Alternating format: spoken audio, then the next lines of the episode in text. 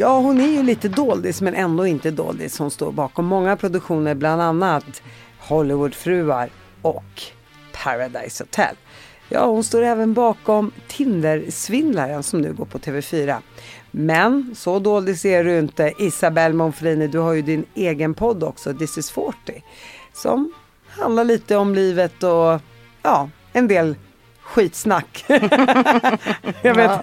mest om dina barn kanske. ja, då är det skitsnack. Nej, och massa så... annat beautytips ja, och, och så vidare. Som du har med din kompis. Ja, med Karin Bastin, precis. This is 40 podd. Um, ja, stå bakom är väl lite att ta i tycker jag. Alltså jag har inte med tv-produktioner arbetat med. Ja, det är, man är ju ett helt team så att säga. Så, men eh, jag har jobbat mycket med tv sedan jag var typ eh, väldigt ung. Fast nu handlar det om dig så då, då ja, lyfter precis, vi dig. men stå bakom låter ju som om att det är jag som både har utvecklat, sålt in, eh, producerat. Ja, det, det stämmer inte. Utan jag, jag, först började jag som projektledare tidigt. Eh, det var en kvinna på Titan television som hette Ingegerd von Porat som tog in mig typ när jag var, jag kommer inte ihåg, Alltså du vet det här är 89 eller någonting. Var, var inte så petig Nej, nej. Välkommen hit Isabelle Monfrini. Okej vad rolig du är.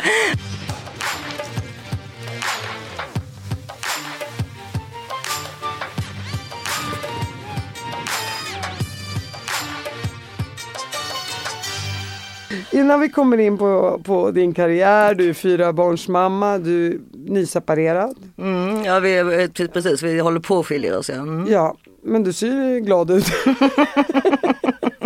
ja, man, man, fake it till you make it baby. okay. Hon har bott i LA som du hör. Hey, I'm Ryan Reynolds. Recently, I asked Mint Mobile's legal team if big wireless companies are allowed to raise prices due to inflation. They said yes. And then when I asked if raising prices technically violates those onerous two-year contracts, they said, "What the f*** are you talking about? You insane Hollywood ass." So to recap, we're cutting the price of Mint Unlimited from $30 a month to just $15 a month. Give it a try at mintmobile.com slash switch. $45 up front for three months plus taxes and fees. Promoting for new customers for limited time. Unlimited more than 40 gigabytes per month. Slows. Full terms at mintmobile.com. Hiring for your small business? If you're not looking for professionals on LinkedIn, you're looking in the wrong place. That's like looking for your car keys in a fish tank. LinkedIn helps you hire professionals you can't find anywhere else, even those who aren't actively searching for a new job but might be open to the perfect role. In a given month, over 70% of LinkedIn users don't even visit other leading job sites. So start looking in the right place. With LinkedIn, you can hire professionals like a professional. Post your free job on linkedin.com slash people today. Innan vi kommer in på hela din livsresa så vill jag såklart höra lite om din bakgrund och uppväxt. Ja, jag är schweizare då. Jag föddes i Schweiz. Eh, min pappa är schweizare och min mamma är svensk. Eh, och eh, de träffades när hon var 16 år och sen efter hon hade pluggat klart och så, så gick hon till, åkte, åkte hon till Schweiz och de var, blev ihop, eller de var ihop sen de var 16. Och så jag föddes i Schweiz och min stora syster också. Och eh, sen skilde de sig och så flyttade vi tillbaka till Sverige och... Ehm, Allihopa? Ja, då var vi bara två syskon vid det laget. Mamma, pappa och två nej, barn? Då, nej, pappa, pappa stannade i Schweiz. Eh, han har ingenting med Sverige att göra förutom att han har varit gift två, han har varit gift många gånger men två gånger har de varit svenskor. Eh, han, han gillar tjejer. Han gillar blonda tjejer. Ja det vet jag fan om de var blonda. Ingrid från Sverige. han, eh, han, eh, ja, han var gift med Titti Wachtmeister också. Så att e-, efter min mamma då. som, också, eller som har gått bort ju tyvärr. Men, och, så att jag, därför kan han faktiskt prata svenska också. Han är väldigt, alltså man pratar liksom lite alla möjliga språk med honom. Och det är därför jag också då skorrar på R för att mitt första språk var ju franska. Men sen har jag alltid bott i Stockholm. Men jag låter så här, jag tror jag har, har efter jag var ganska ung då ju, när jag, jag var bara två och ett halvt när jag flyttade till Stockholm. Men jag måste ha ly, hör, lyssnat på min syrra, Ia alltså, Victoria Manfrini som hon heter. Så, som var lite äldre, som är tre år äldre än vad jag är. Och då förmodligen gått, jag vet inte, men jag skorrar på R i alla fall fortfarande. Nu ja, skulle det vara ju... konstigt att byta. Jag kan ju säga du kan, du kan ju hitta på att du är från Småland också. Jo jag vet men det var ju det som kan bli lite jobbigt. Folk bara, är det skånska eller Småland som försöker vara stockholmska liksom? Men det, jag låter så här. Ja. Du är den du är. Jag är den jag är. Och så då skiljer de sig ändå rätt tidigt dina föräldrar. Ja men de hade ju varit tillsammans när de var 16. Exakt, så att de ja. hade ju varit ihop i 50, ja, jag vet inte hur länge. Eh, men eh, ja precis, Eh, mamma var väl, vad kan hon ha varit, 30, jag vet faktiskt inte ens, 31-32 kanske när de skilde sig. Men de gifte om sig bägge två väldigt snabbt och så har det fortsatt i min familj. Man, man, gift, man, man skiljer sig och gifter sig och alla är jättebra kompisar. Min mamma är gudmor till min pappas sista barn. Hur många fruar har din pappa haft? Eh, fyra fruar men han har barn med en som han inte var gift med också. Han har sju barn. Varför tror du inte han får de här äktenskapen att hålla? Nej men för att han är, eller äktenskapen att hålla men eh, alltså han, det han får är ju, han är väldigt romantisk. Jag tror att han blir lätt kär, eh, är min analys. Men eh, han, eh, han, ser, han är alltså bästa kompis med alla sina ex. Och en, även fast han liksom, kan ha varit otrogen och sådana grejer så lyckas han liksom um, behålla en vänskap som är väldigt både varm och djup faktiskt till och med. Alltså det är som till exempel som att min mamma, alltså han ser till också att kvinnorna gillar varandra. Eh, så att eh, min mamma är gudmor då till min pappas sista barn till exempel som är bara är 22 år gammal nu då, Bianca. Men eh, ehm, ja, han har någon förmåga med det där. Han är väldigt um, Ja, men han, han, man tycker, han, är, liksom- han har bara det där i sig. Jag vet inte hur... hur Men det är ju väldigt trevligt. Ja det är supertrevligt men han, har, han är liksom en väldigt så här, eh, intressant person på det sättet. För man tänker så här, gud, många, eller många framförallt han, alla hans kvinnor borde ha, ha liksom eh, varit jättearga på honom. Men han, han, folk, han, han är väldigt likable. Man kanske varit generös mot alla kvinnor och Ja, sett till så att de har ett bra eh, liv. Ja, och så tror jag humor. Han är rolig, väldigt rolig. Han är ganska blyg egentligen. Han är inte en sån där person som, alltså i alla fall så som jag uppfattar mig själv. Jag är ju inte, jag är ganska extrovert på ett sätt men han är egentligen, han är också jätteextrovert när man känner honom. Men han har inget behov av att bli älskad eller så man, man där märker han, när man väl känner honom då får man allt. Men när man, jag kan ju gå in i ett rum och säga alla måste älska mig här. Jag har behov av det liksom. Och så är inte han, så han, han blir liksom intressant på det sättet. It, it, it's not the having, it's the getting. Ja, Man ska vara inte. lite untouchable. man ska, man ska ju göra, jag vet, jag försöker lära mig det, det går inte jättebra. Nej, men man är den man är. Ja, Jag försöker också ibland täppa till munnen men då spricker det där nere istället. man vill prata med alla. men- jag, konstigt nog, eh, vill, jag vill också bli älskad av alla och det, det, det är ganska ocharmigt tycker jag. Ja men det har väl sina fördelar också. Man vill, vara, man, man vill att folk ska gilla en, alltså det är väl bättre det. Jo, jag vet, men då kan man inte heller vara så lite så som jag är som typ säger vad jag tycker och Fast det gör du väl ändå. Det är ju det jag gör, men Ja. då, kan, då blir jag ju självkritisk då. Ja. Alltså då blir det så här, då blir det ett självhat. Var jag tvungen att säga det? Eftersom jag vill ju bara bli älskad av den här personen egentligen. Ja men, men ändå så finns det väl någon inre kompass som säger vad den du är. Ja, jag vet inte. Jag jobbar med det där faktiskt lite, tycker jag själv. Att jag tycker att det är jobbigt att jag hela tiden måste höras och mm, prata för mycket och sådär. Ja fast jag tycker för sig det är kul med människor som tar plats. Ja, vad kul. Eh, och nu pratar jag inte om mig själv. När ni växte upp då i Sverige, du bodde här i, innan du flyttade till LA så växte du upp här.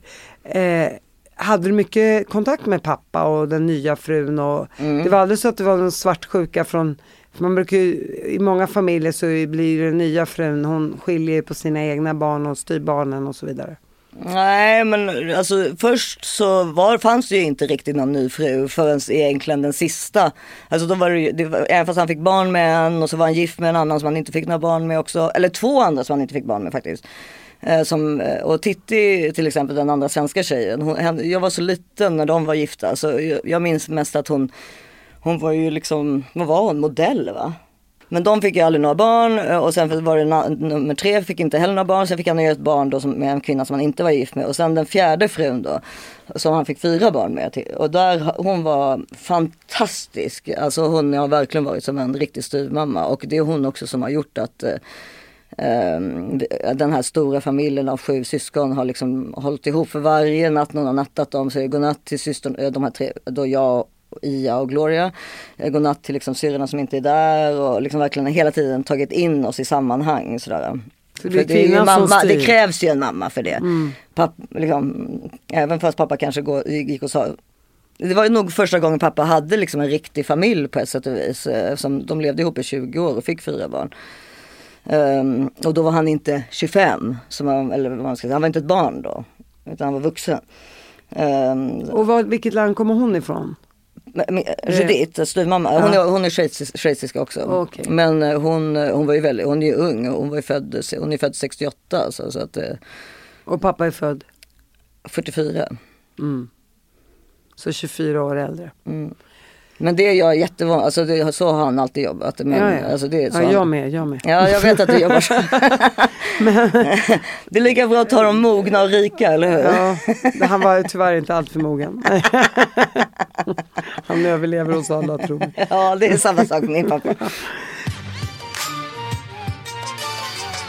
Så du har fortfarande idag jättebra relation till din senaste styvmamma? Ja, absolut. Verkligen. Ehm, väldigt nära. Och så växer du upp i Sverige, det är du och din syster då. Mm. Och sen får vi en till syster, för min mamma gifter om sig också. Hur många har mamma gift om sig då? Två gånger efter pappa. Men fick ingen barn med... Sista har hon hon inget barn med, men nummer två fick hon ett barn Och ni har också jättebra relation. Mm. Så ditt liv här präglades egentligen, ja, egentligen av att leva med din styvpappa kan man ju säga. Ja, mm, ja, ja, det kan man väl säga när jag var liten. eh, Som då var ju då min, min andra syrras, alltså Pa- Pal- Palle kallas hon för, eh, pappa. Robert heter han. Hur var han då? Ja men eh, han är väldigt snäll tycker jag. Men det var inte så att, eh, jag tycker väldigt mycket om honom idag. Men, och han var nog en väldigt, han tyckte väldigt mycket om oss också, både jag och. Eh, men ehm, eh, sen så skilde ju de sig och så då var det liksom, det är inte så, alltså när vi ses, eftersom vi alla ses hela tiden, det är ju tomten är far till alla barn liksom hela tiden. Vi, alla är kompisar med alla och eh, är, på ett sätt då, ja, jag har haft perioder i mitt liv som jag tyckte att det har varit lite märkligt. Liksom, att, eh, herregud. För är det helt känslokallt eller är det sunt liksom? Ja eller så tänker man det är inte som alla andras familjer och då känner man sig annorlunda bara Ja. därför. Men det behöver inte betyda att det är negativt. Nej men jag tänker att under min barndom så har jag nästan skrytit om det. Att jag tyckte att det varit coolt på något sätt liksom. Att har varit så. Jag hade så många vänner där skilsmässor som där de inte kunde prata med varandra och sånt där. Men, men sen har jag haft perioder då jag varit så men gud, vad håller de på med? Och nu är jag nog tillbaka till att eh, det är, nu är det så mycket vanligare också. Folk separerar ju och är vänner ofta. Så nu är det inte ens, nu är det ingenting. på något sätt. Och din syster, din helsyster har ju barn med Johan Promell. Ja precis. Det var jag som förde ihop Johan och Mia. Hur känns det då? Ja men det är ju väldigt kul. Var, blev det match made in heaven? Ja det tycker jag verkligen eftersom det också funkade själva barnagörandet. Ja, hur, hur, vad hände? Berätta. Ja, men- nej men de gjorde IVF. ja men varför, hur kom det? Nej men för jag, vi jobbade med Hollywoodfruar jag och Johan. I LA och det var 40 grader varmt kommer jag ihåg. Filip, min man, eh, var borta på jobb. Han är reklamfilmsregissör så han är nästan bort, eh, reser väldigt mycket. Och eh, vi satt i ett hus och det skulle hålla på med de här fruarna och höll på att gå in i väggen. Och så, på, så var det så här, och jag och Johan har jobbat mycket ihop eh, genom åren med tv, för han är ju caster också. Och då var det så här, ja, jag vill verkligen ha barn och så. Jag bara, men ska vi inte kolla med Ia då? För han, han visste ju vem Ia var, men han kände inte Ia. Um, och um, ja, men du kan ju kolla och så kolla med Ia och så till slut, Ia var lite liksom, ja hon, det var ju inte direkt så här, ja vad kul, men ja, man kan ju träffas i alla fall. Och det blir ju liksom lite som att säga vi ska köpa en, eller jag vet inte vad jag vill köpa en hundvalp. Och så går man och tittar på hundvalpen, då köper man ju hundvalpen. Alltså det är så här, om man vet, om man träffas, ska man, ska man gå därifrån och bara nej, nej vi skiter i det, det blir ju inte riktigt så. Och hur gammal var Ia då vid det här laget? För, för då var hon 43. singel. Hon var Ja, hon 43. 43 och Mm. ville ha barn. Nej, hon vill, det får du fråga henne, det vet jag Ja. inte. Men det skulle jag, jag skulle inte säga att det var någonting hon tänkte på. Men, men- något du tänkte åt Jag henne. tänkte det, men så det var därför hon också var motvillig. Men, men eh, eh, ja, vi alla har väl en romantisk och kanske en eh, samhällssyn på hur det ska vara när man får barn. Liksom. Så, att, jag vet inte, så det där är nog en mer personlig fråga till henne. Men, men däremot efter träffen så bestämde hon sig för att vi kan ju försöka i alla fall. Och så gick det. Då kom lilla Valentino. Och hur glad är din syrra idag för det? Jag är väldigt glad, såklart.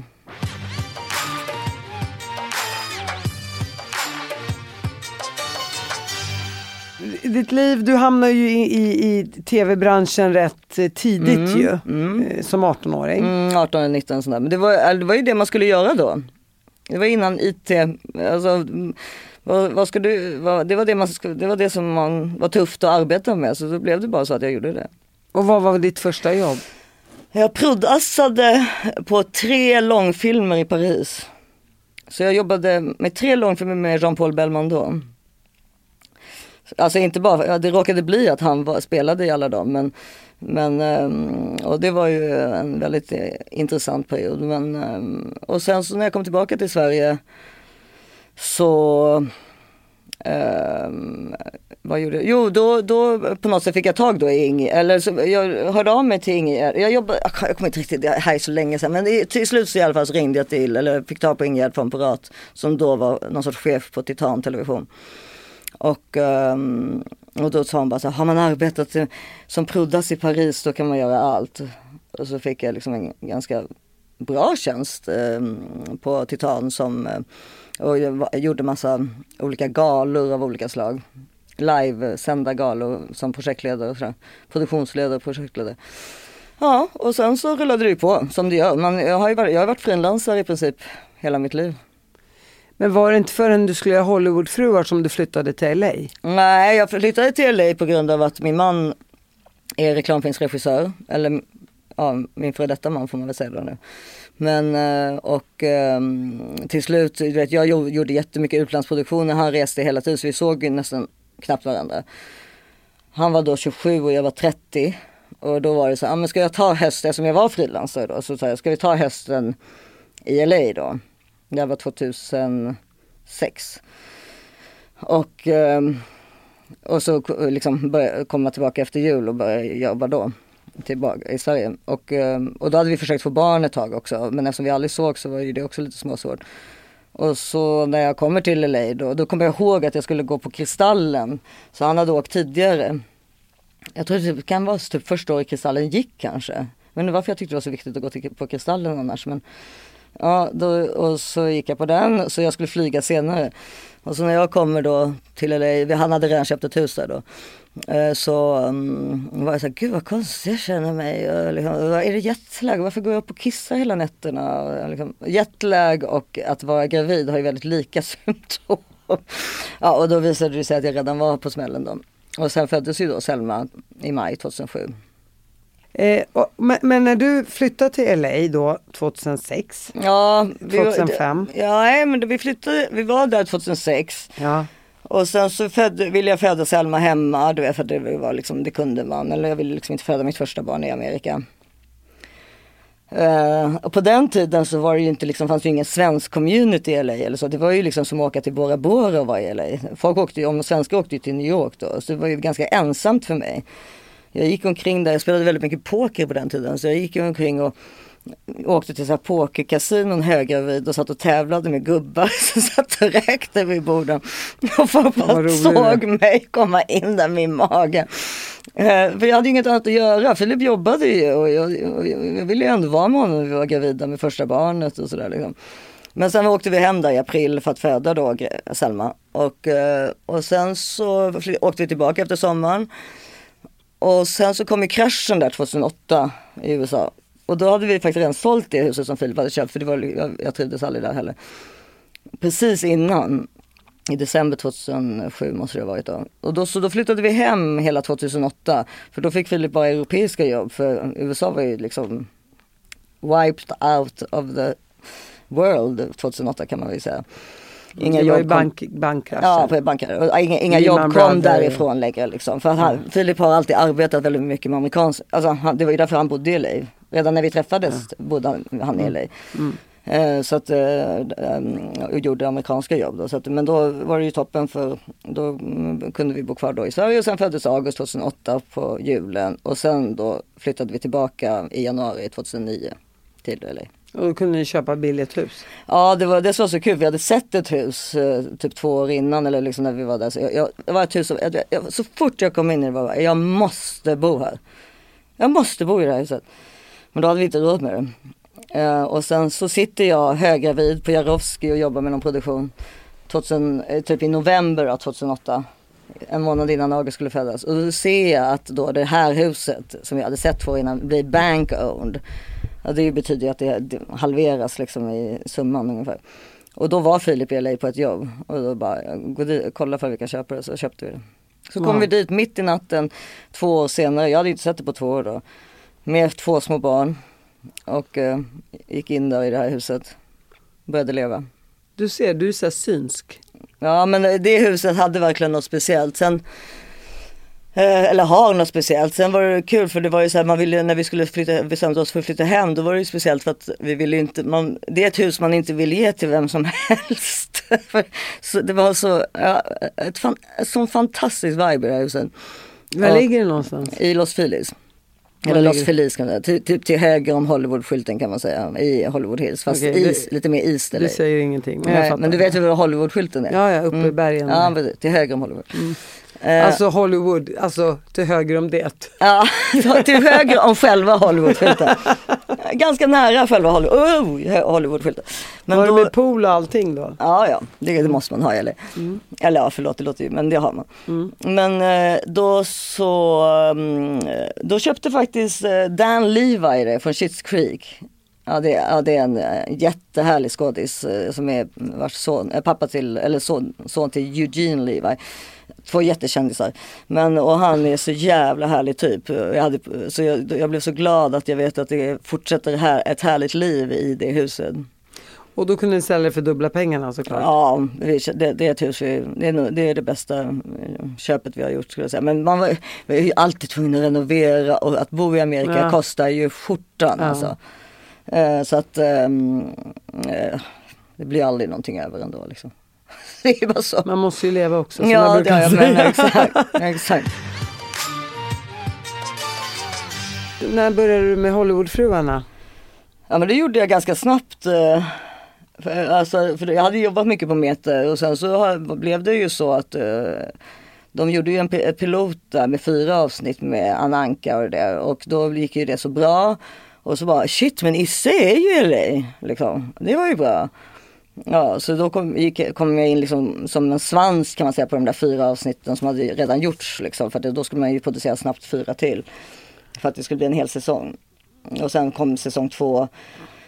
Sen tror jag det var, sen så byttes vi producent och blev John Promell producent och då tror jag det var så att, jag tror jag var gravid med Gösta, alltså min tredje barn, när jag kom på liksom, alltså redan innan hade jag ju blivit skitdålig för jag, jag var ju liksom ingenstans, jag var inte på jobbet 100% och jag var inte he- hemma till 100% för att när man gör Hollywoodfruar till exempel då måste man ju prata med de här tanteluringarna hela tiden. De är oroliga för saker och det är en inspelning, det där måste klippas bort, jag sa sådär och så. Det är ganska knepigt. Så jag kunde ringa liksom 12 på natten när jag skulle ta de här samtalen och sådär. Sen Anna när Anka. Johan kom in måste jag säga. Anna tog- Anka. Ja men då hade Anna slutat tror jag. jag då hade jag mer, ja, eh, Päivi och Lena och dem. Och det var den säsongen. Men det var inte det, det är inte det, det är ens jobb att göra det. Men problemet var att jag hade också två små barn. Liksom. Och, och, eh, och dessutom tjänade jag ju svenska pengar. Så att hela min lön gick ju typ till att betala min nanny. Alltså det blev ju liksom så här. Alltså vad ska jag göra, ska jag inte, vad ska jag välja här så att säga. Och då valde jag familjen. Och eh, sen var jag, jobbade jag inte på sju eller åtta år och var hemma och fick då två barn till. Eller, det var- ja, det var när jag var gravid med Gösta som jag slutade arbeta. Tre barn, tre. Ja, tre, ja, och sen fick jag mitt fjärde barn också. Då. Jag fick ju fyra barn på sex år. Vad, vad, eh, vad, jag, jag vet, nej men det är helt otroligt. Du jobbar. Då, då hann du träffa din man, för innan gjorde du inte det. Jag vill också bara förklara att när man jobbar på Jarowski och Meter, det är kanske inte alla som Nej, vet vad det är. Men det är produktionsbolag. Det är de som skapar serier och de här eh, vad kan man säga, dokusåporna åt kanalerna. Exakt, tv-kanaler producerar ingenting själva förutom Nej. SVT har lite inhouse. Men allting läggs ut på produktionsbolag. Så till exempel om när jag säger att ja, nu har jag ju precis gjort en, eh, jobbat som researcher på den svenska Tinderbedragaren. Som har gått på TV4, då kan jag lika gärna nu göra för någonting för Viaplay till exempel. Exakt, Så jag, man jobbar för alla kanaler. exakt. Det, man har ingen, så folk, För många de tror köper ju från de här produktionsbolagen. Precis, många tror att man, man eh, jobbar då, ah, jobbar du på TV4? Men så funkar det inte. Nej. Eh, bra förklarat. Och, och sen har du fått dina fyra barn. Men, men du och Johan är ju väldigt nära, eller hur? Ja. Och när han då kom till Hollywoodfruar, kände du inte att du kunde få lite avlastning Jo, där? absolut. Han, det, det, är ju- det, det, är ju Johan Prumells eh, Styrka? styr, en av hans styrkor är ju verkligen att han kan prata med, med tjejer. Eller med kärringar som oss. Nej men alltså det, det, det fick jag absolut. Eh, Men det var mer att då hade jag för mycket med tre barn som ska köra, alltså LA är liksom något annat än Sverige. Man måste, där måste nästan en person vara hemma om det, det ska finnas någon sorts familjär eh, känsla. Och faktum är att de flesta i mitt fall av mina kompisar, kanske inte av svenska gänget så mycket, men även där, jo även där faktiskt, så var det faktiskt ofta mannen som var hemma, inte kvinnan. Så jag vet inte, det, du vet, det är ofta att det ska vara, att det blir, att man skulle kalla det för sexistiskt då, att, eller varför ska mamman vara hemma? Men så tycker inte jag det är i LA, utan jag tycker att det är verkligen en blandning. Men oftast är någon hemma. Och Man det- måste ju förstå att det tar en timme skjutsa till skolan, det tar en och timme du, de kan inte ta sig hem själva och, du, och det beror ju på vad du väljer för sorts liv. Men jag, tycker, jag kände tidigt att eh, ska man skaffa så många barn då får man också ta ansvar för dem på något sätt. Sen väljer du ju, du lever där. Gillar du livet i Los Angeles? Ja, det gjorde jag. Eh, Men, Vad gör man?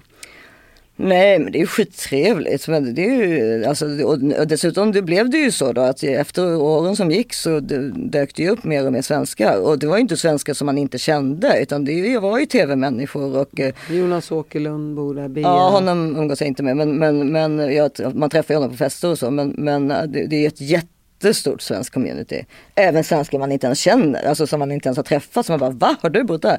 Men det var ju väldigt många som man verkligen kände väl. Jag menar Henrik Bastin till exempel har jag ju känt sedan jag var sju år gammal.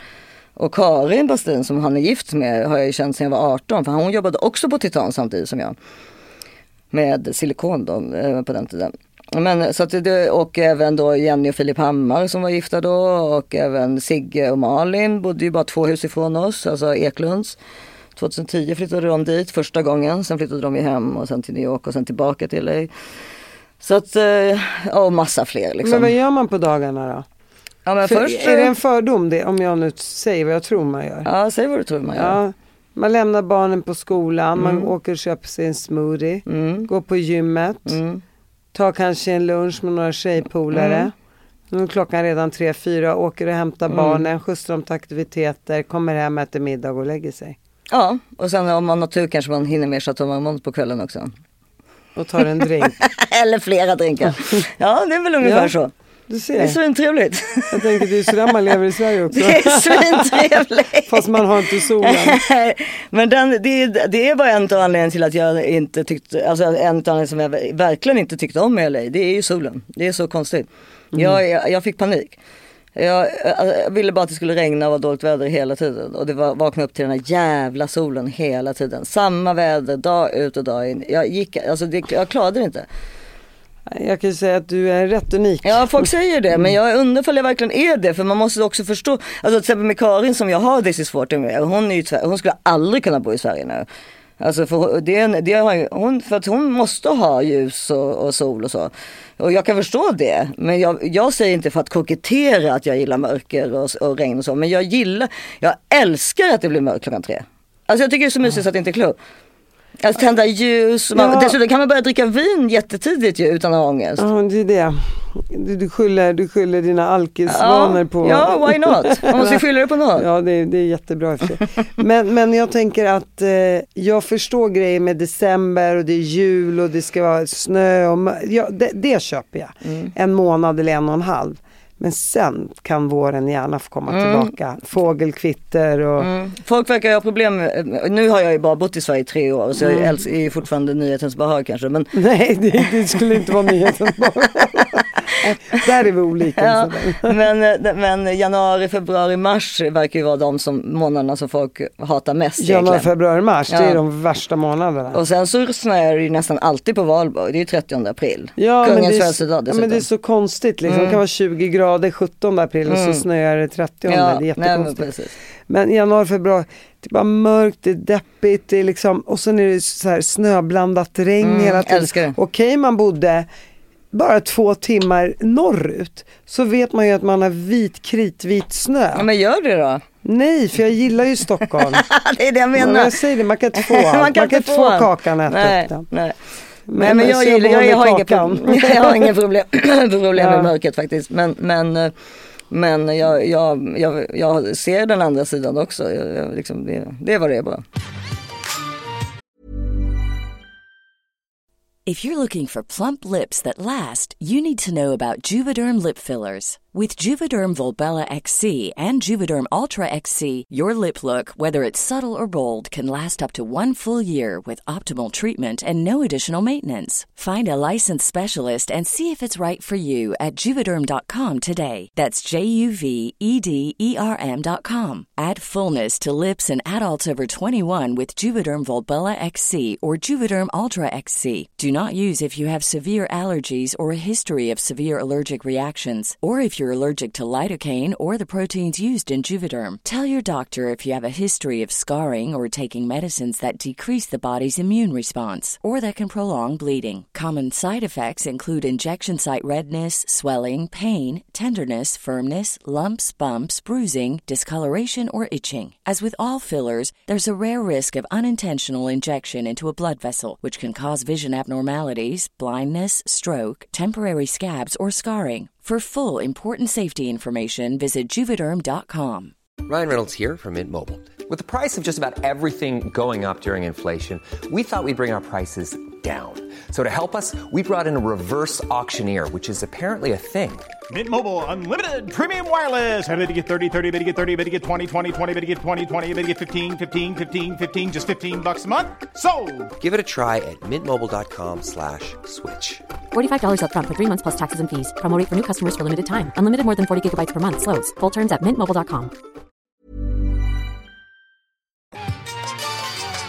När, du- när du pratar om Hollywoodfruarna, vem tyckte du var mest jobbig att jobba med? Uh, gud, får man säga Isabella Adrian? Nej, det tror jag inte på. jo du. Men alltså jag gillar Isabella Adrian väldigt mycket. Men, men eh, det, hon, det var ju knepigt med schemor med henne. Att det var alltså, nej jag kan inte börja förrän elva eller du, lite så. Att det Ja, var, man behöver väl lite Ja, skönhetssömn. ja men precis. Alltså jag förstår henne, det är inte det. Men eh, det- som när man måste hålla i, liksom man har bestämt en inspelningsplats eller så. Så bara, ah, fan men kom igen nu, vi måste börja då. Liksom. Men, eh, men, men det, det är ju mer arbetstekniskt så, jag, tycker Isabella Adrian är skitkul. Hon är väldigt osvensk, jag tycker det är roligt. Och hur var Gunilla att jobba med? Persson? Eh, nej men jag gillar Gunilla. Alltså hon är, hon är, ju väldigt speciell men eh, hon, hon, eh, hon har ändå empati som man inte tror att hon har. Jag håller med om det Mm. faktiskt. Ja, men tror, man ser bara hur gullig hon har varit mot sin mamma. Ja men det är precis det också men eh, saker så, eh, ja hon har eh, eh, man, det, det finns en värme hos henne som jag tror att många svenskar inte förstår. Som inte går igenom Mm. rutan. Ja men som jag inte ens är säker på att hon vill visa för alla. Alltså det, att vara med i en sån här reality är också ett skådespel eller vad man nu ska säga. Alltså de är ju sig själva, de lever ju sina liv men det är ändå så att det måste ju hända någonting. I varje, alltså, det, om det alltid skulle vara att hon är jättebra kompis med sin städerska så skulle det ju inte bli så kul tv så att säga. Så att det blir ju lite så här, ja, man, eh, liksom, Mari- Maria Montazami då? ja det tycker jag också jättemycket om. Jag har haft henne i podden. Mm. Hon är så här skön, bra, bra mamma till sina barn. Hon är verkligen Men hon också varit såhär, jag hade någon kompis som hade, mm, Ebba en kompis till mig, hade en son som hette Felix som var helt besatt av Hollywoodfruar. Alltså när han var 10-11 så var de och hälsade på, så kunde jag ringa Maria och säga, kan, kan inte han få komma hem till dig? Du vet. Och så var vi, fick, nej självklart. Och så fick vi komma dit så fick hon en tass, han en tassel med sig och så. Mm. Det, det är fint liksom. Man, Och det var ju liksom när Maria verkligen var som störst också. Eller hon är fortfarande jättekänd i Sverige. Alltså hon är ju Jo men då var det verkligen. Ja men det var liksom mitt under. Hollywoodfruar deluxe liksom. Men, men hon är ju, hon är ju med, alltså, hon är ju verkligen en, Maria är ju en superstar i Sverige. Eh, Hon, eh, vad jag menar med det är att, eh, ja men vad jag menar med det är att hon, de realitisen hon är med i har höga tittarsiffror. Hon är bra. Hon, är, hon är en bra reality-person. mm. Tröttnade du på LA i solen eller vad hände? Ja men vi hade, vi hade egentligen pratat ganska mycket om att eh, så här ska vi byta, för eftersom min man då är reklamfilmsregissör så kan han ju egentligen jobba från hela världen. För han behöver ju pitcha, kan han göra var som helst och sen så åker han ju och filmar någon annanstans ändå.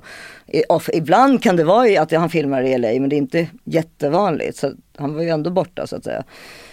Och då så var det liksom att ja, jag ville börja jobba, kände jag, barnen hade blivit större. Och då var det så här, jag hade, fick ju green card till slut så jag hade ju kunnat börja arbeta där. Men då var det så här, hur ska jag göra det? Liksom, jag ju ingen där. Ja, det blev liksom.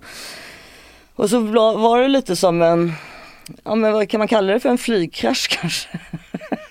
ja men liksom att det var inte bara en grej som gjorde att vi flyttade hem utan det var att vi hade börjat prata om det och sen så vi, hit, hittade vi en råvind. Eh, för Selma var väldigt på oss också, var, var vår största unge. Alltså, men kan vi inte flytta hem? Och så, av någon anledning. Hon fick någon, någon, någon noja på det.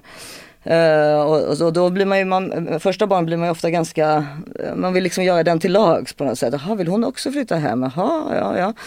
Och, ehm, och så hittade vi den här råvinden som vi kunde renovera som var stor nog för oss och sen så eh, Ja och sen så var vi, det här var ju precis, det här var ju då när min pappa fyllde 75 så var vi i London på en, fyra dagars fest med hela familjen då. Och så får vi reda på att en av våra närmsta vänner som var verkligen som en pappa i vår familj också, alltså en pappa till våra barn, hade tagit livet av sig i LA. Och då blev det också så här, ska vi bo i LA utan honom där? Det var liksom många saker som bara var så här, ja men nu är det dags. Många pusselbitar. Ja, och då på den hösten, och det är ju hösten innan corona kommer då, så drar vi igång hela det maskineriet. Så att många trodde ju att det var på grund av corona vi flyttade hem, men vi hade redan liksom kört igång det innan, det, innan ni hade tur vid två tillfällen. Ja där. fast egentligen inte för sen så blev, vi flyttade ju aldrig hem, vi, vi, skulle flytta hem till den sommaren då, året efter. Vi köpte lägenheten, sen skulle den renoveras, var klar i mars och så skulle vi flytta hem i juni året efter då. 2020. Ja måste det vara. Och, eh, men eh, då kom ju corona där och ganska tidigt blev vi ju lockdown. Då hade vi ju sålt vårt hus redan så då bodde vi liksom i en jobbig lägenhet som inte alls var familjär eller vet, alldeles för liten och så vidare. Vi trodde ju att Filip skulle vara borta på jobb och sen skulle det vara sommar skulle vi åka hem. Men det blev liksom, vi satt, och då blev det ju lockdown med fyra barn. De satt ju hemma då och gjorde skolan i den här liksom lilla lägenheten. Varför åkte ni inte till Sverige? Men, ja, därför vi hade ingenstans att bo här heller. Vi trodde vår lägenhet skulle Jo men här var det ju inte lockdown. Nej jag vet inte, jag vet inte, det var konstigt faktiskt. Mm. Men vi var också tvungna, när man ska flytta ett bohag efter 15 år så finns det ju things to do så att säga. Det var ju tvungen att bli klart också. Så att, ja, det blev så i alla fall. Och, och, och vi hade, har ju två hundar också så vi var tvungna att hitta, fixa, så, hitta flyg bara som de kunde vara på. Det var jättesvårt under corona. Alltså så när kom ni då? Så vi kom, vi kom i juni någon gång. Okay. 2020 då. Så ni fick, det blev jobbigt i några månader? Ja, ja det blev jobbigt för sen var inte vår våning klar. Så vi flyttade, ja, vi bodde på hotell i tre månader och sånt där. Men. Nu har du ju bott här med familjen i tre år. Mm. När under resans gång kände du, nej men vi kommer inte kunna leva ihop? Ja med min man? Uh, ja men det, det, det kom, jag tycker ju att det är han som har initierat det så att eh, det kommer inte från mig. Men Fast han säger att det kommer från mig men Han ljuger, okej. Okay. men Alltså jag, vi har haft ett helt underbart äktenskap. Vi, jag älskar honom, det var en, verkligen min bästa person. Men vi, ehm, det är liksom någonting som inte har, ja, jag fick ju cancer. Eh, alltså redan i LA under lockdownen så såg jag att jag hade en svullnad bakom knät. Och eh, då så, men du vet det var lockdown och jag, ja, jag gjorde ingenting åt det i alla fall. Jag, när jag kom till Sverige så gick jag till vårdcentralen och vad, vad, är, det? Oh, vad är det här? Ja det är en Bakers systra, okej. Okay. Och sen så gick jag igen till vårdcentralen för jag är ganska hypokondrisk. Men rädd för läkare, jag tycker inte om att gå till läkare. Och eh, då så, ja det är en Bakers systra, sluta kom hit, börja äta din antidepressiva igen ungefär. Faktiskt ganska hånfulla mot mig. Här i Sverige? Ja, på vårdcentralen. Uh, och men sen, så det gick liksom ett helt år. Så i mars 2021 då så uh, ringde jag Sofia hem till ortopeden där. Och så gick jag dit och då sa han det här är absolut ingen bakerkista, det måste vi göra magnetröntgen på. Och, eh, och sen, de inte tar en sån här, vad heter det? Ja men det kan man inte göra, man gör först en magnetröntgen. Okej. Men, och då, när, efter magnetröntgen kunde de inte riktigt se vad det var heller. Men då blev jag skickad till en avdelning på Karolinska som heter sarkomavdelningen. För att då göra en biopsi. Ja exakt, man Och, tar bort en ja, för att se ifall det Ja. men, men, och vid det här läget så hade jag nog inte riktigt förstått allvaret än. Men jag började ju ändå så här. För det var en fredag som jag skulle göra den där biopsin. Och det är väldigt känsligt med sarkom. Det är en väldigt ovanlig cancerform. Det är typ 1% i världen som får den. Och den kan komma ofta i så här tjocka magar på gubbar och så, så att de inte märker det. Så går, man får inga symptom överhuvudtaget. Jag hade ju tur att jag såg den. Alltså att det var en ganska synlig knöl som dessutom växte. Och ändå så var vårdcentralen liksom hånfulla mot mig. Men eh, då så, mm, eh, och biopsi, så man måste vara väldigt försiktig när man gör den där biopsin för att det, det kan göra i sig att det kan sprida sig och sådär. Så därför, ja så var det en fredag och då började jag inse liksom på, när jag var där uppe på Karolinska, för jag, vadå, hur stor chans är det, vadå? Och han bara, nej men alltså vadå, det här är ju, alltså den här läkaren var ganska såhär, men alltså det, var, det här är ju cancer. Eller, han sa inte riktigt så men det började liksom slå mig att det verkligen kunde vara något allvarligt. Och sen så får jag samtalet då en tisdag morgon klockan sju. Um, ja, ja, det var så hemskt. Uh, ja, då var det ju bara, ja det här är då ortopeden på sarkomavdelningen och jag meddelar dig att du har cancer. Eh, kan du komma hit på fredag så kan vi prata mer liksom. Jag, bara, jag, jag, jag la mig bredvid Filip liksom, bara grät och förstod ingenting. Och uh, ja, och sen hade vi hela den resan framför oss då, eh, där uh, jag, där, då hade den hunnit bli, det kunde de ju se då på MR att den var 11 centimeter den här knölen. Och den brukar sprida sig efter 8. Eh, och då så, eh, eh, och han, Otte då som han hette, min onkolog på Karolinska. Så när jag kommer in till Otte, bara, Otte bara tjena Isa ungefär. Ja du vet, jag, hela min värld har vänts upp och ner. Och här är liksom plötsligt en typ familjevän kändes det som, fast det inte, det var väldigt speciellt. Men, eh, och då har jag ju, hela mitt liv har jag ju vetat att jag ska få en dödlig sjukdom. Och dessutom har jag vetat att jag kommer dö inom tre månader när jag får den. Alltså det är så som mina tankar har gått i min hypokondri. Så när jag, får, när jag sitter där så jag kommer jag liksom, min första fråga är ju hur långt har jag kvar? Är det tre månader eller liksom? Men snälla du ser för frisk ut för det, oroa dig inte. Han, hade en sån eh, positiv jargong liksom. På ett sätt som räddade mig ganska mycket men också det blev ju liksom lite konstigt för mig för jag var ju säker på att det inte, skulle, att det inte var så. Eftersom det, nu, nu händer ju det som min hjärna har sagt att jag alltid ska hända. Tvångstankar kallas det för. Ja, jag vet, men ändå, det blev ju konstigt eftersom jag, för det sa, sa ju, har ju många av mina läkare sagt också, det är konstigt att det som du alltså att du faktiskt fick cancer överhuvudtaget när det är det du- Det är som med huset. Ja, ja jo, okej, men då, då jag, jag måste säga att jag vill ju inte tänka på tankarnas kraft eftersom jag, jag, jag är faktiskt, jag, jag vill inte tro att det kan vara så eftersom jag är en person som tänker ganska negativt. Kan du tänka något positivt här tror du? ja, kan du tänka något positivt? Ja, ja, ja. Nej, men vad jag du menar, det verkar klara det där bättre. Men eh, hur som helst så blev det då, och då var det ju, du kommer genomgå cellgifter eh, och den, är, den, är, den här sortens cancer är extremt svår att behandla. Så att den är, det är en jätteaggressiv behandling. Du går, är, är på sjukhuset tre dagar, sju timmar eh, per dag med gift som sprutar rakt in i dig. Sen så ska du opereras i mitten av de här, efter tre, alltså efter då nio dagar man nu ska säga av de här sju timmarna. Ja, sju timmar. Och då är det tre dagar i veckan Ja, och så är måndag, det nio tisdag, onsdag. gånger. Så efter tre veckor skulle du typ opereras? Nej, för man fick, det skulle då skulle man dö. För så stark är Ja. den. Utan du måste vänta i två och en halv vecka mellan behandlingarna. Okej, det är så, så tre- extremt starkt. Okej, du, så tre, tre gånger Tre gånger dagar, sju så- timmar. Ja. Sen väntar du två och en halv vecka, så är det tre gånger till, Ja. så väntar du två och en halv Okej, jag förstår. och då är man eh, efter, ja det var jag kaxig också. Vi- De, du kommer ju förlora håret förstås och sådär. Och eh, jag bara, ah, det, allt det där var ju bara, sket jag i totalt. Jag, man, jag har aldrig, heller varit speciellt fåfäng så jag var bara, okej, sure. Men det var ju liksom, jag förstod ju inte vidden av hur dåligt jag skulle må liksom av, ehm, Cellgiftsbehandling. Ja, eftersom den är så aggressiv. Är Ja. liksom inte en, alltså jag vill inte håna folk som har bröstcancer till exempel. Men det här är liksom någonting helt annat. Den är extremt aggressiv den här behandlingen. Och, och vad hände med dig? Äh, men, eh, och sen, men jag, det som hände med cellgifterna var ju inte så mycket att jag var inte så, så mm, eh, jag spydde några gånger och sådär. Men dä- däremot så blev jag, det var liksom som om jag hade ett spöke i kroppen. Det, det, igen blev det själsligt liksom. Så att det var så att typ om jag någon gång skrattade eller under den här perioden av de här sex månaderna av behandlingarna då. Så var det som om att eh, spöket var så här, ha du tror att du kan vara glad. Då var det som om jag gick ännu längre ner i botten. Ja, ja, ja. Du hamnade i Alltså, så, ja, jag vet inte. Det var som jag hade liksom andliga, det var så här, så tro inte att du kan skratta eller tycka, eh, komma på, tänka på någonting positivt. Det var som någon sa, Det är ju. Ja, jo, jo, men det var så också. Eh, så det var liksom så här, så jag, till slut vågade jag inte göra någonting. Och det jag gjorde, en sak som var ganska befriande var ju att jag hade som en Alltså jag- om man ska säga någonting positivt med hela biten var ju att jag, jag var ju väldigt, väldigt sjuk. Jag är inte en person som är sjuk. Alltså jag, är- när jag blir förkyld, alltså jag går till jobbet ändå. Alltså det är så här, alltså jag är inte liksom, alltså här var det ju så att det fanns inget annat val än att bara vara hemma.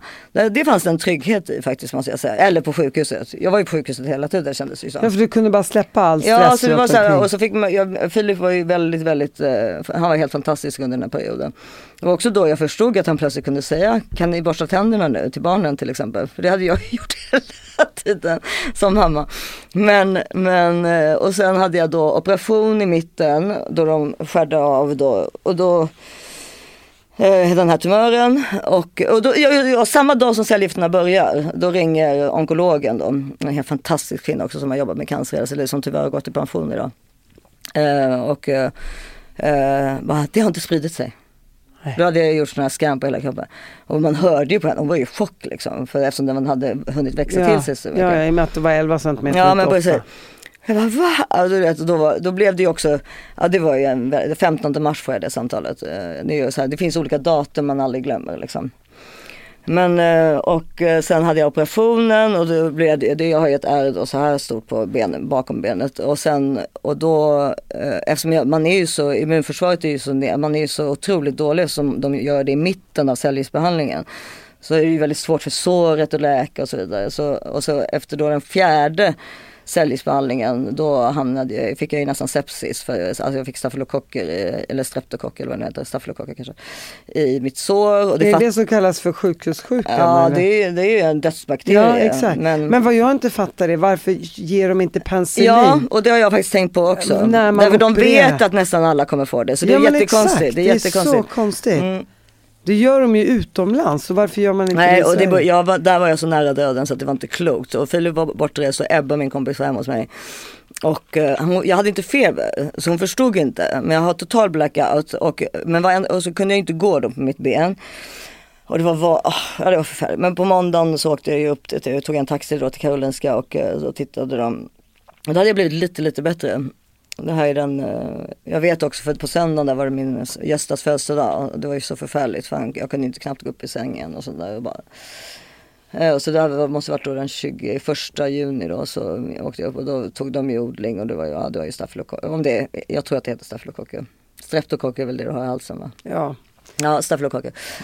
Och då fick jag ju penicillin som jag fick äta i typ sex månader. Eller så. men du hör ju hur sjukt. Ja, och sen så, men samtidigt hade jag ju massa cellgiftsbehandlingar kvar också. Eller Ja, två ja. år kvar då. Ja. Och såret, du vet det är svårt för ett sår som är så stort Mm. också att växa tillbaka då. Eller liksom få, få kontroll. De tog bort de här gaffa, eller de här som de hade stämplat. Och, och då blev det ju ännu värre. Det var hemskt. Och sen så var så, mm, och sen 20 strålningar på det också.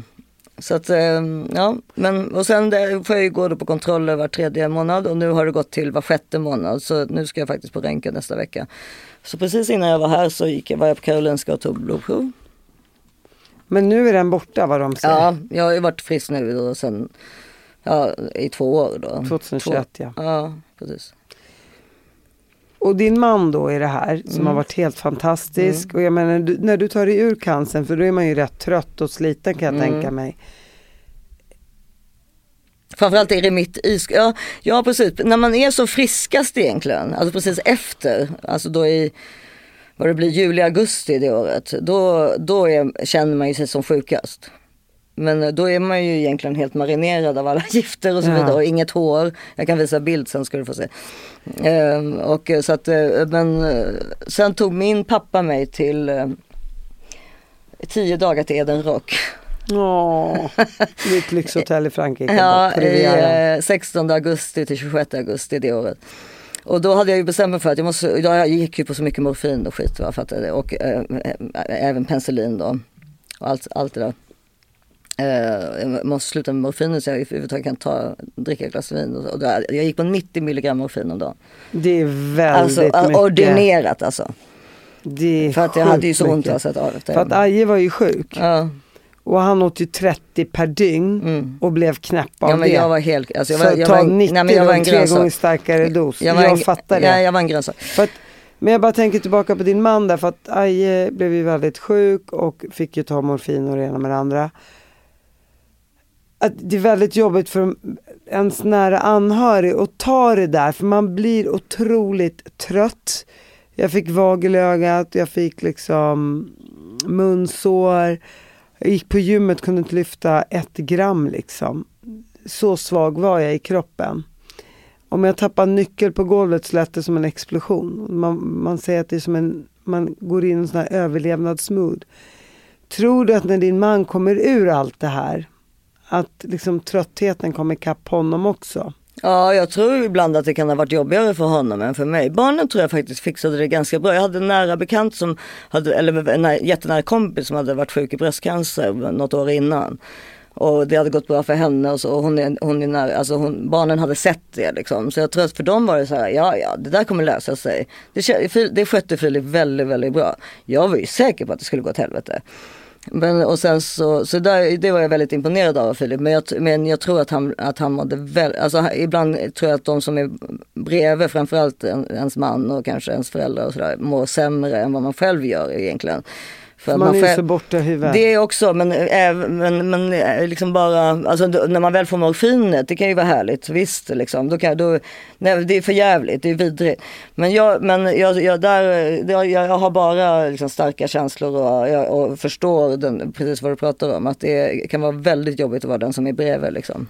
Jag tänker, tror att det var det som ledde till att man ville skilja sig Ja, till slut? det tror jag också. Men alla stora förändringar, alltså då får du tänka på att vi- det det är inte den första, att bara re, flytta till USA och sen flytta tillbaka till Sverige med fyra barn. Bara det är ju en sån stor förändring så att det inte är klokt. Det hade ju räckt. Och sen renovering som gått helvete och sen cancer. Och sen började jag jobba jättemycket. Efter cancer? Ja, från att ha liksom varit eh, egentligen hemmafru, ja. dödssjuk men också varit hemma med barnen och liksom bara levt egentligen hans liv. Så det är klart att det är väldigt många stora förändringar som gör att man eh, har svårt att hitta tillbaka till varandra skulle jag säga. Men känner du innerst inne att du egentligen inte vill skilja dig? Ah, Ja, det vet jag inte. Jag, jag har inte kommit fram till det än. Jag vet inte vad jag känner men däremot så vet jag att han är mitt livs eh, kärlek. Är ni vänner? Ja, det skulle jag säga. Alltså vi bråkar, vi är mitt inne i en sån här där man ska du vet, dela upp saker och ekonomi och så. Vi har alltid ägt allting 50-50, både bolag och, och, eh, och hushåll och så. Men sen finns det andra saker som man kan, man kan alltid bråka om något.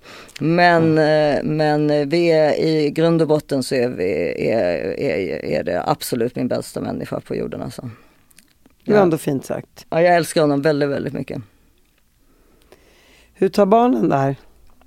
Ja men de, för det, det, där har vi nog inte heller varit så bra tror jag. För att vi, eftersom det har blivit, för det första i alla våra bråk genom hela vårt äktenskap så har vi alltid sagt, om det är lika bra att vi skiljer oss. Alltså det är så våra bråk har slutat och sen har vi blivit vänner. Barnen bara, för i helvete nu får ni väl skilja er då. Alltså det är liksom, ja, vad håller ni på med ungefär? Men vi har ju bara sagt det, det är bara ett ord som vi har använt. I, som, är- Vargen kommer, vargen Ja kommer. men liksom så att det var ingen som har tagit, ingen, varken han eller jag har ju trott på det. Men eh, det har nog irriterat barnen ganska mycket.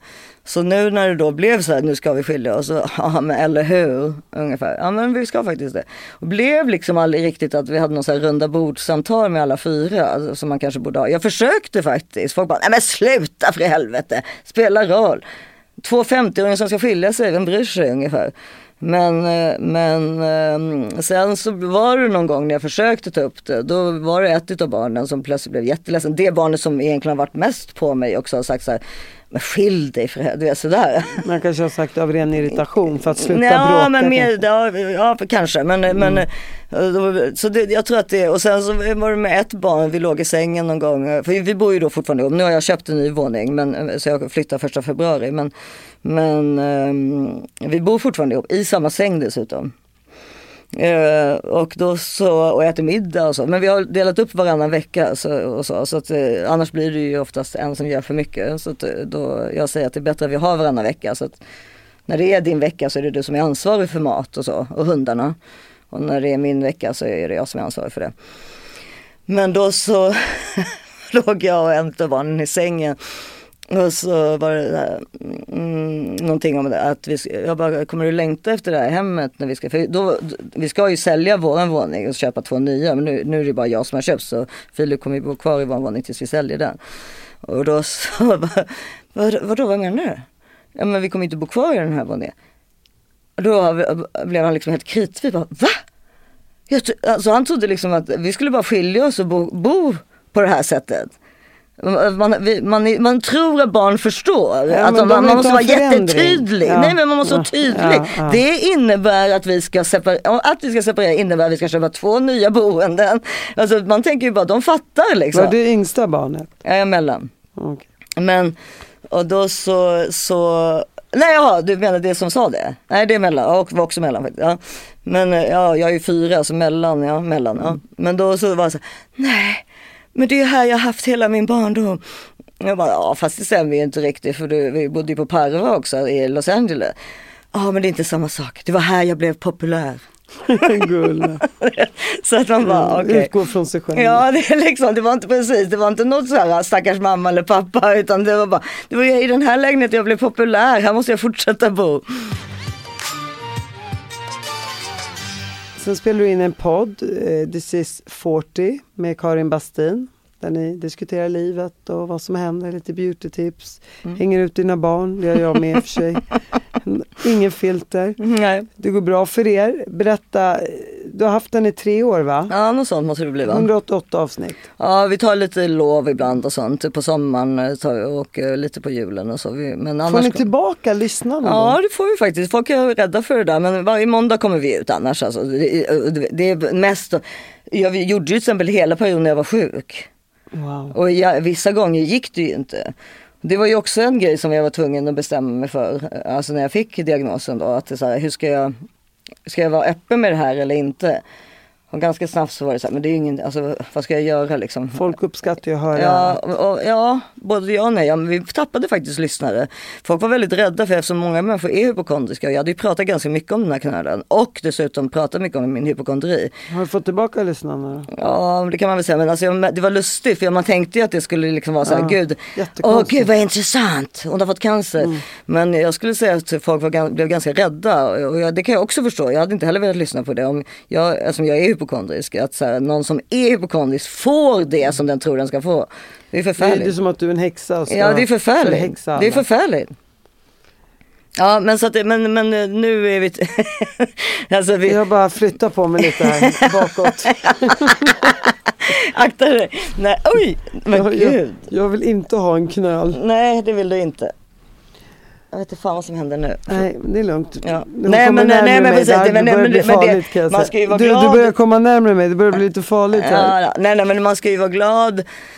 Det jag kan säga, även fast jag är väldigt rädd för läkare, bara idag när jag tagit blodprov och så, så kan man ju ändå säga så här att hittar man saker i tid idag så är ju det mesta botbart. Alltså i, i den världen. Inte allting förstås, men, men, men, men mycket. Och, men det är det att eftersom jag är rädd, jag är, det är bättre att vara som en killkompis med mig som är hypokondriker och går till läkaren varje vecka. Han har gjort sex klonoskopi bara i år. Alltså eh, det är jobbigt också men då är, vet man ju åtminstone att allt är fine. Men jag är ju så, så jag blir så rädd för att bara, jag har liksom sjuk, eller jag är rädd för Det läkare. blir paradoxalt Ja det blir jobbigt, det blir jävligt jobbigt. Jag, jag- borde ju vara så glad över att jag blir kollad var tredje månad, var sjätte månad. Istället så ger det ju mig ångest både månaden innan och månaden, eller hela tiden förstås. Men ändå, eh, det är dumt liksom. Och, och du känner ingenting på det Nej, heller. jag känner ingenting på det och jag blir också irriterad på mig själv att jag inte är mer tacksam. Mm. Liksom. Då får du säga till de där spökena du har i huvudet att ja, ja, okej, jag känner mig orolig. Var det något mer ni ville stressa upp mig med? Vad säger man? Keep your friends close, keep your enemy close. Kanske det här avsnittet ska heta. Det kommer gå bra, Isabel. Tack för att du kom hit. Tack Martina. Tack.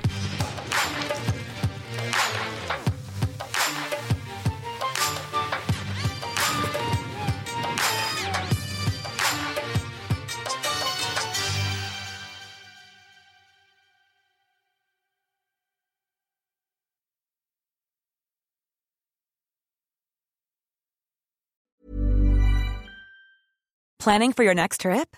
Elevate your travel style with Quince. Quince has all the jet setting essentials you'll want for your next getaway, like European linen, premium luggage options, buttery soft Italian leather bags, and so much more. And is all priced at 50 to 80% less than similar brands.